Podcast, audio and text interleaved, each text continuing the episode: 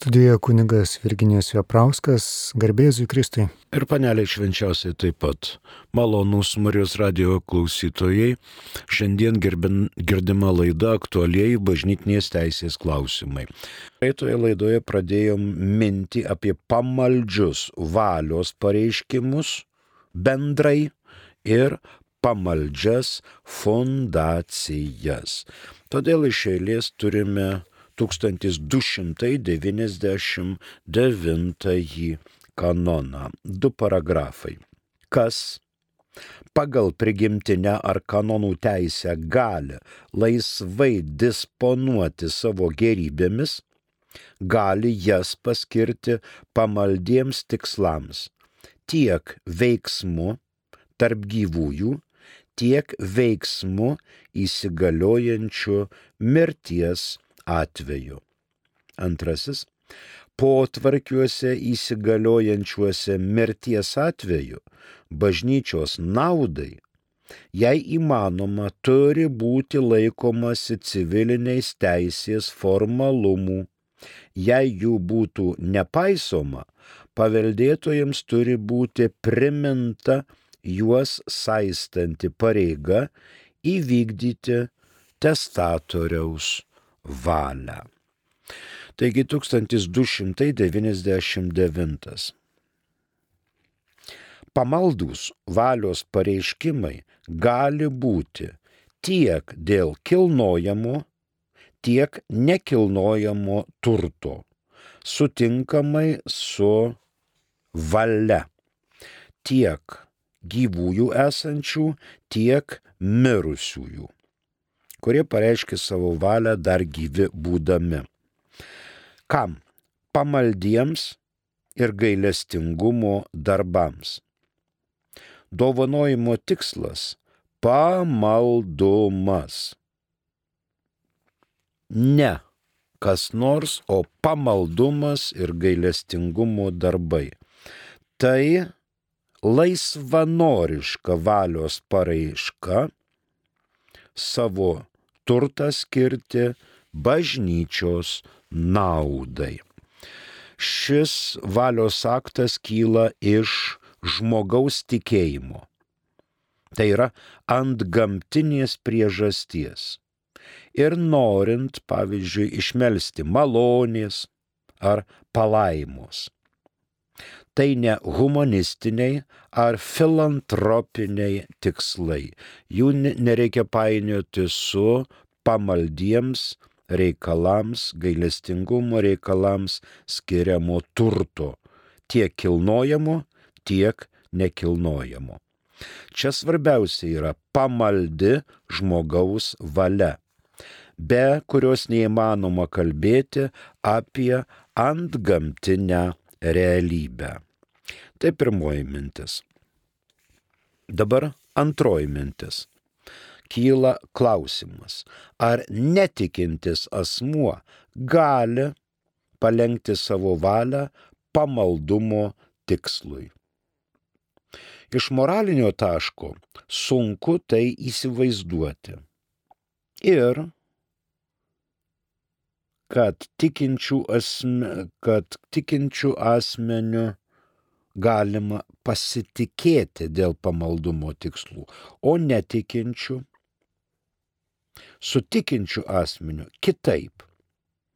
Bet iš teisinės pusės žiūrint, jei asmuo įvykdo visus bažnyčios keliamus reikalavimus, tą jis gali daryti. Ta gali daryti ir netikintys Dievą žmogus. Gali. Kas jam trukdo? Jis turi pilną valią, laisvą pasirinkimą ir gali sakyti, aš Dievo aišku netikiu, jo nėra ir būt negali, tačiau dalį turto skiriu pamaldiems ir gailestingumo darbams, kuriuos vykdo bažnyčia. Jeigu viskas atitinka, tikrai priimama. Tai iš moralinio taško nelabai, bet iš teisinio taško tikrai taip. Dabar trečia mintis. Šitą valios aktą gali atlikti tiek gyvieji, tiek mirusieji. nes testamentas įsigalioja kaip valia jau po asmens mirties. Kol asmo gyvas gali testamentą keisti, tačiau po asmens mirties testamentas paskutinis lieka galioti ir testatorius privalo šį testamentą vykdyti. Gyvi žmonės, gyvi asmenys gali rašyti dovanojimo aktus arba tarpusavio sutartis tarp asmens ir bažnyčios, tarp juridinio asmens ir fizinio asmens ir bažnyčios. Pagal 1267 kanono aukojimo negalima atsisakyti. Nors yra išlyga. 1267. 1267 antrasis paragrafas. Aukų, apie kurias kalbame pirmajame paragrafe, negalima atsisakyti, nebent būtų pateisinama priežastis.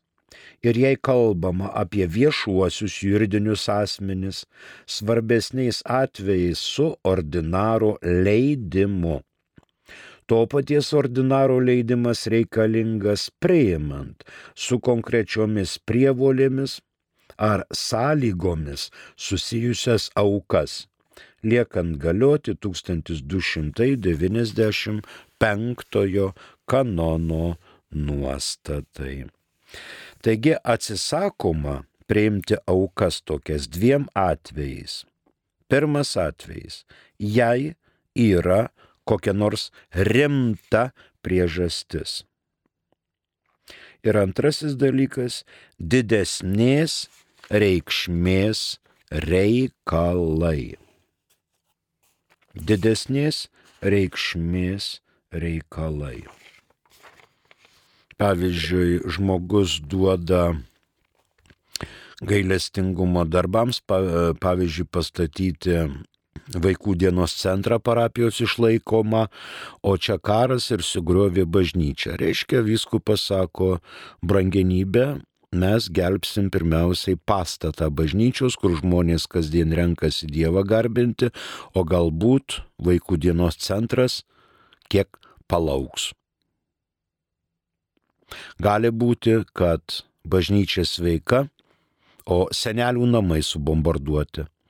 Tada viskupas sako, skiriame šitą senelių namų remontui, o ne vaikų dienos centrui. Vaikai palauks ir panašiai. Svarbi priežastis. Kita mintis. Mirtis yra vienašališkas aktas ir po mirties pradeda veikti testatoriaus paskutinė valia jo mirties atveju. Čia mirties liūdimas ir kiti dalykai. Per, tas vykdoma per testamentą arba per įgaliotinį. Mus pasiekė žinutė, prašom. Gedas klausia, noriu sužinoti ar suvokti, kas gali dalinti šventąją komuniją, nes tenka matyti, dalyje vyrai, moteris jau šventumo nebelieka. Kodėl šventumo nebelieka? Kodėl? Jūs manote, kad šventumo nebe, nebelieka, jeigu dalina šventąją komuniją vyrai, moterys kunigas tai irgi yra liktai vyras. Moterys taip pat.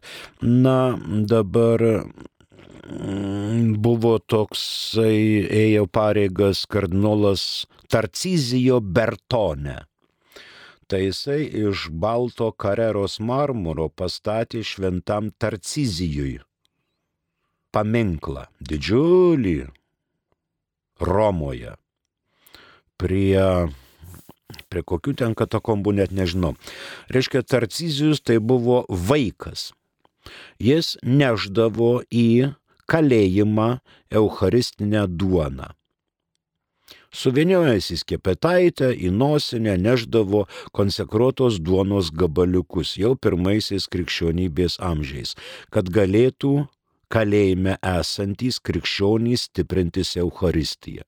Tai jau nuo tų laikų dalino šventąją komuniją ne vien tik tai vyskupas, kunigas ar diakonas, bet dalijo ir neturintys šventimų vyrai, moterys ir net vaikai.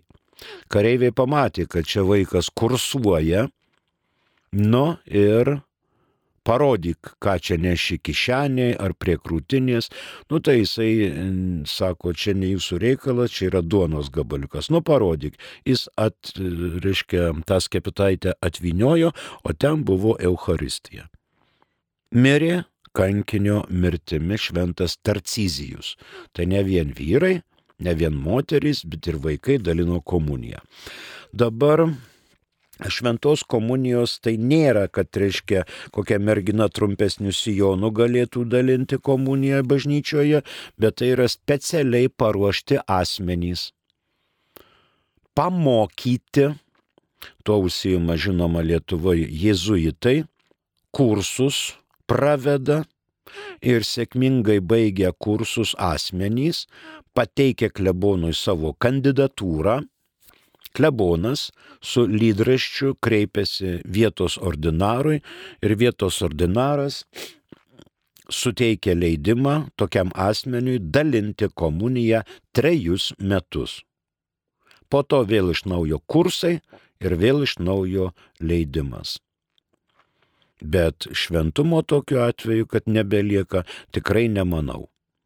Kunigas turi galę konsekruoti pavydalus, o dalinti gali net ir pasauliečiai, bet ne kiekvienas nuo gatvės, ne kiekvienas iš pašalies. Ačiū iš klausimą. Iš principo, toliau tęsim 1299, testatoriaus valia yra galiojanti. Kiek įmanoma, paisoma civilinės valdžios nuostatų. Viena civilinė teisė galioja Lietuvos Respublikoje, kiti, kita Kinijos liaudės Respublikoje, kita Pietų Afrikos Respublikoje, Italijoje, Amerikoje, Brazilijoje ir taip toliau. Todėl reikia kiek įmanoma paisyti civilinės valdžios nuostatų. Tai nėra privalu, bet priklauso nuo aplinkybių. Kas kai kurie civilinių įstatymų subjektai gali nepripažinti bažnytinės teisės į turtą. Arba gali civilinės teisės nuostatai drausti kitus valios pareiškimus, pavyzdžiui, pamaldiems ar gailestingumo darbams. Gali, gali drausti. Visokių yra diktatūrų, autoritarinių režimų, kurie treptelėjo kojytę ir pasako, jokios čia bažnyčios, jokių čia naudų, panaudų ir nieko čia nebus. Pagal kanonų teisę pripažįstama, kad tai yra nepasiekminga tokie dalykai yra laikomi, na, nepareikšti. Pagal prigimtinę teisę kiekvienas asmuo gali laisvai tvarkyti savo turtą. Nes kiekvienas asmuo gali įgyti, turėti, administruoti, perleisti savo turtą. Ir kas naudojasi tokiamis teisėmis, tam neuždrausta galimybė. Jei jis yra įgalus, žinoma, arba toks pripažįstamas kaip veiksniu. Kita mintis.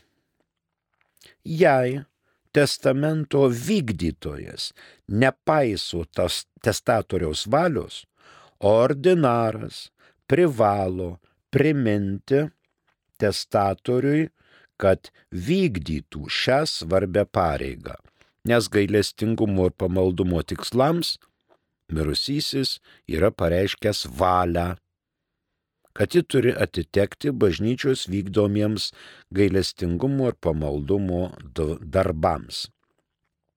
Šią svarbę pareigą vietos ordinaras, ordinaras privalo priminti. Tai yra svarbi pareiga.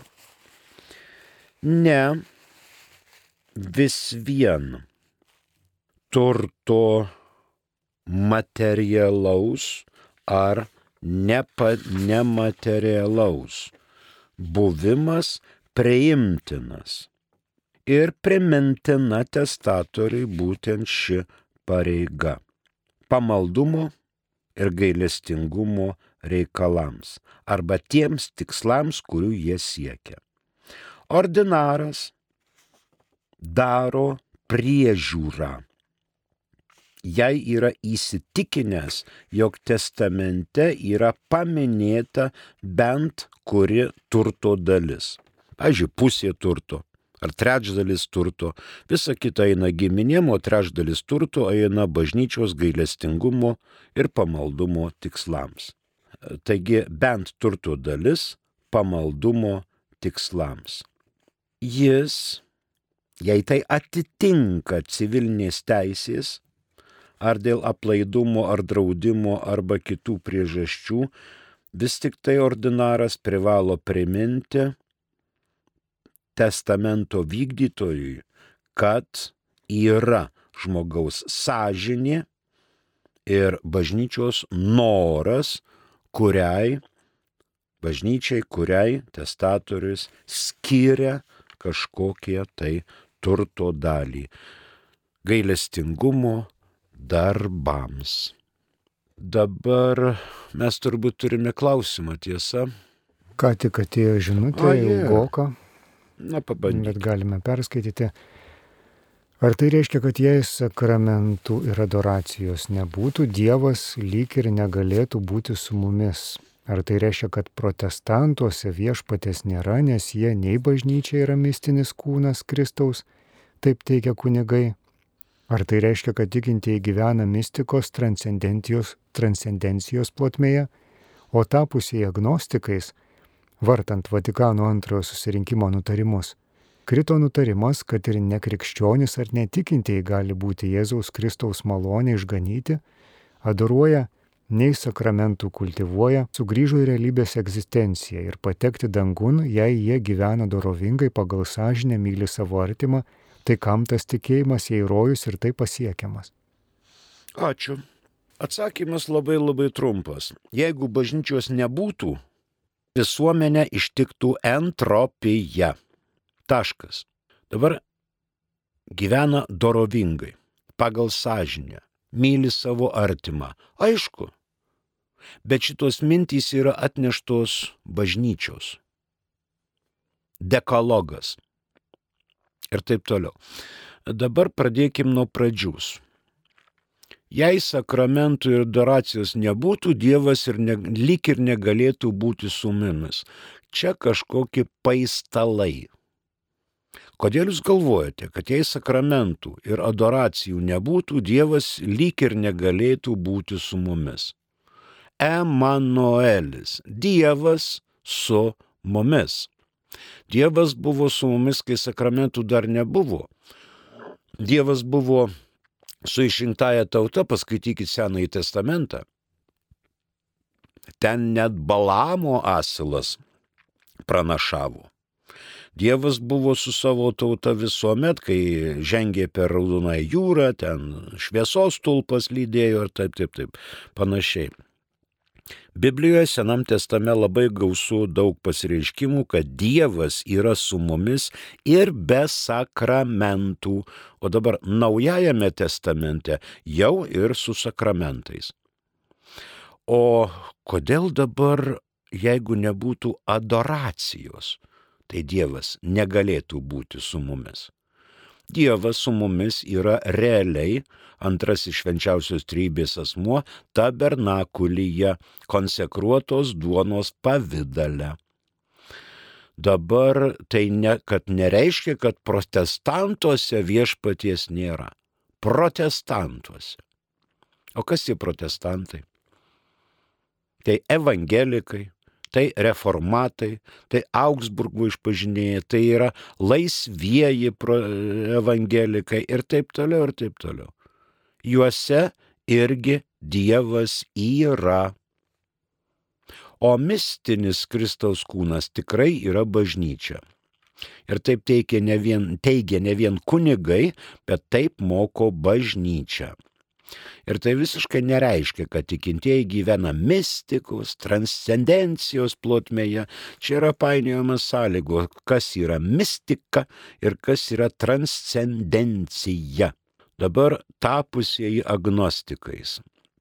O kas yra agnostikas jūsų supratimu? Kas yra gnostikas, kas yra agnostikas?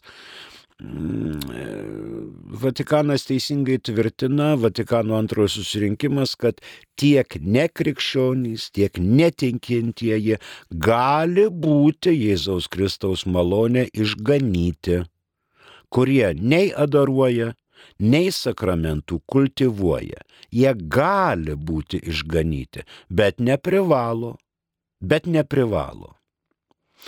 Tai yra, žodžiu, kas čia Sartras pas mus, žalės, Žanas Polis, egzistencijos atstovas, realybė, egzistencija, patekti į dangų, patekti dangun. Aišku, turi kiekvienas žmogus, kuris pagal sąžinę myli savo artimą, gyvena pagal sąžinę. Elgesi taip, nes mes busim teisiami pagal savo teisingai suformuotą sąžinę.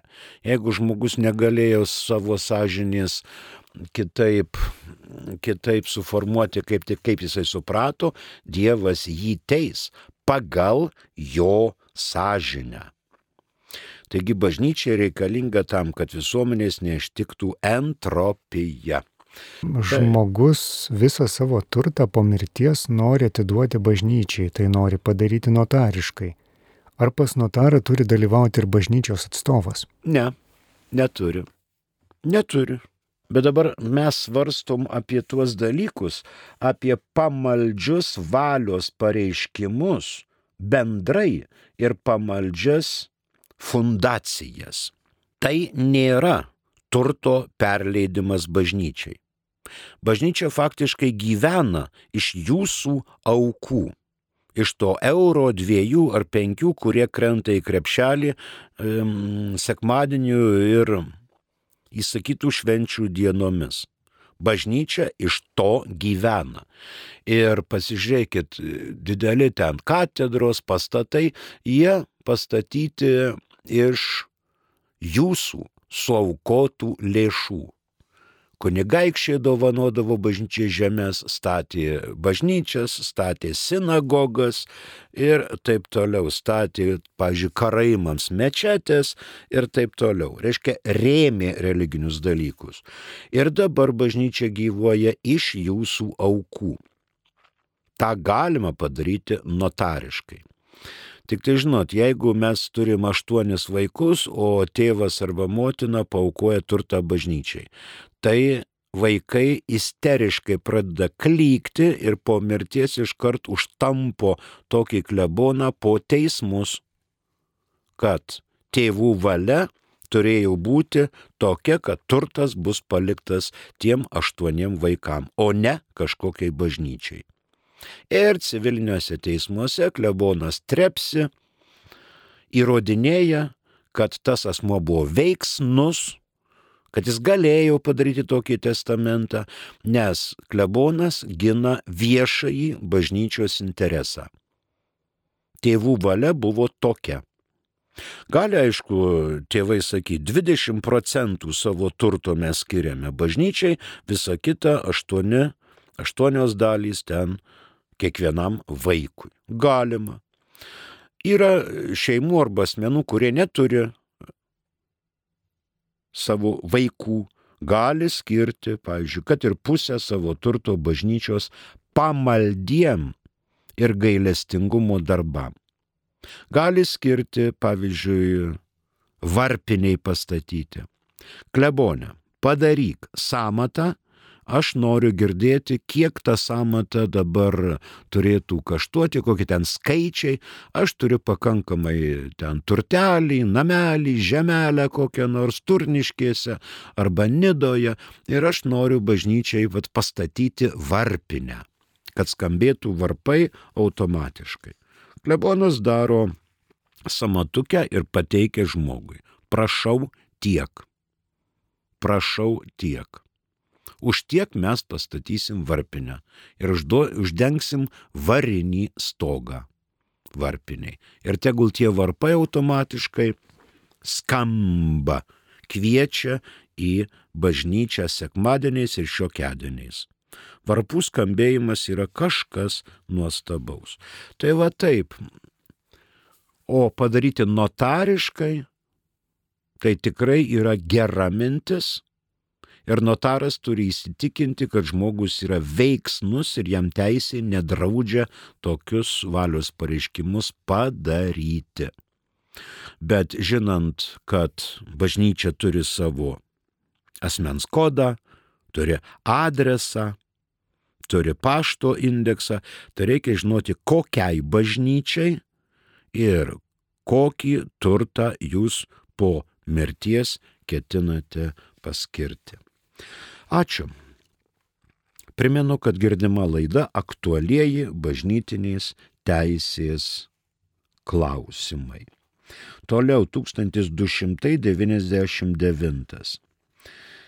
Jei šitas valios pareiškimas neatitinka civilinės teisės ar dėl alplaidumo, ar dėl draudimų kažkokių tai, ar kitų priežasčių, tai privalo priminti testamento vykdytojas. Dėl sąžinės ir dėl bažnyčios intencijų. Tai nėra besąlyginis reikalavimas. Pavyzdžiui, jeigu toks priminimas atneštų žalą bažnyčiai. Priminimas nedaromas. Žiūrima, į laiką, vietą, sąlygas ir žinoma aplinkybės. Ribojimai yra žinoma vienuoliams. Mes dar turime kokią žuntę, prašom. Alio. Taip, dar viena žinutė, vartant katekizmą, sakoma, kad Katalikų bažnyčios vadovas yra popiežius, o laidoje sakėt, kad bažnyčiai vadovauja Jėzus Kristus, kaip teigia protestantai. Nepripažįsta popiežiaus. Kaip apsispręst, jūsgi kanonų teisės specialistas? Žinot, aš kaimo klebonas. Aš joks ne specialistas ir ne kanonų teisės, bet mane čia pakvietė, nes nebuvo kam. Tai dabar vartant katekizmą Vartant katekizmą, ten iš tikrųjų sakoma, kad katalikų bažnyčios vadovas yra popiežius. Jo šventenybė dabar popiežius Pranciškus. Prieš jo sprendimus neapeliuojama. O laidoje aš sakiau, kad bažnyčiai vadovauja Jėzus Kristus net ne Jėzus Kristus, o šventoji dvasia. Ir popiežius turi šventosios dvasios asistenciją. O ką protestantai čia teigia? Kaip kad teigia protestantai. Jo, jo, ir katalikai tą patį teikia, kad bažnyčiai vadovauja Jėzus Kristus. Bet regimas asmuo yra pranciškus. Jis yra Jėzaus Kristaus vikaras. Įsivaizduokit, Jėzus Kristus yra klebonas, o jo šventenybė pranciškus popiežius yra vikaras. Jėzaus Kristaus vikaras. Regima galva bažnyčios. Jie nepripažįsta popiežius, aišku, jie pripažįsta vyskupus, o e, popiežius yra Romos vyskupas. Romos vyskupas pagal seną tradiciją yra renkamas. Popiežius yra rytų patriarchas, vakarų patriarchas, pontifikas, tokį žodį kažkur tai. Jis vadinamas, kokiu aštuoni pavadinimai yra, kaip ta pareigybė vadinasi. Vienas iš tų pavadinimų yra pontifikas. Čia iš lotynų kalbos pons, pontis, tiltas. Jis yra tiltų statytojas. Priešai greuna, sprogdina, degina tiltus o popiežius stato. Jis yra pontifikas, tiltų statytojas. Protestantai popiežiaus nepripažįsta, bet pripažįsta, kad popiežius yra vyskupas. O katalikai žino, kad tai popiežius yra Romos vyskupas ir jis vadovauja. Viskas čia tvarkoja. Tai vad taip ir apsispręskite. Jeigu kyla klausimų, prašom diskutuokim. Marijos radijas tam ir įsteigtas, kad šiek tiek mes galėtumėme pagilinti savo turimas žinias. O dabar prie 1299. 668 dėl vienuolių. Čia yra gal ilgokas, mes nespėsim turbūt pabaigti. Kiek mums laiko liko? Dvi minutės. Gerai, net nepradedam šito dalyko. 668. Dėl vienuolių turto ribojimų. Čia yra kokie penki kanonai, kuriuos perskaitysime kitoje laidoje, o jie iliustruos mums 1299 kanoną. Primenu, kad šiandien vėlinės nuostabi diena, kada galima pelnyti visuotinius atlaidus net ir mirusiųjų naudai nuo lapkričio 1 iki lapkričio 8 dienos imtinai. Atlikus išpažinti, prieimus švenčiausiai sakramentą, pasibel, pasimeldus kapinėse bent mintimis už mirusiuosius, ir žinoma būti neprisirišus prie jokios, kad ir lengvos nuodėmės. Turėti nuostatą, kad aš jau daugiau neketinu nusidėti, gyvensiu taip, kaip nori Dievas ir bažnyčia. Jeigu bent vienos, vienos iš šitų sąlygų neišpildome, pelnomi mirusiųjų naudai daliniai atlaidai. Vieną dieną galima pelnyti vienus atlaidus mirusiųjų naudai. Žinom, kad daug kas miršta be malonės stovių, galime jiems visiems padovanoti šitą šviesę dieviškąją malonę, kurią nustatė jo šventenybė popiežius. Prie mikrofono dirbo kunigas Virginijus Veprauskas, ačiū ir sudė.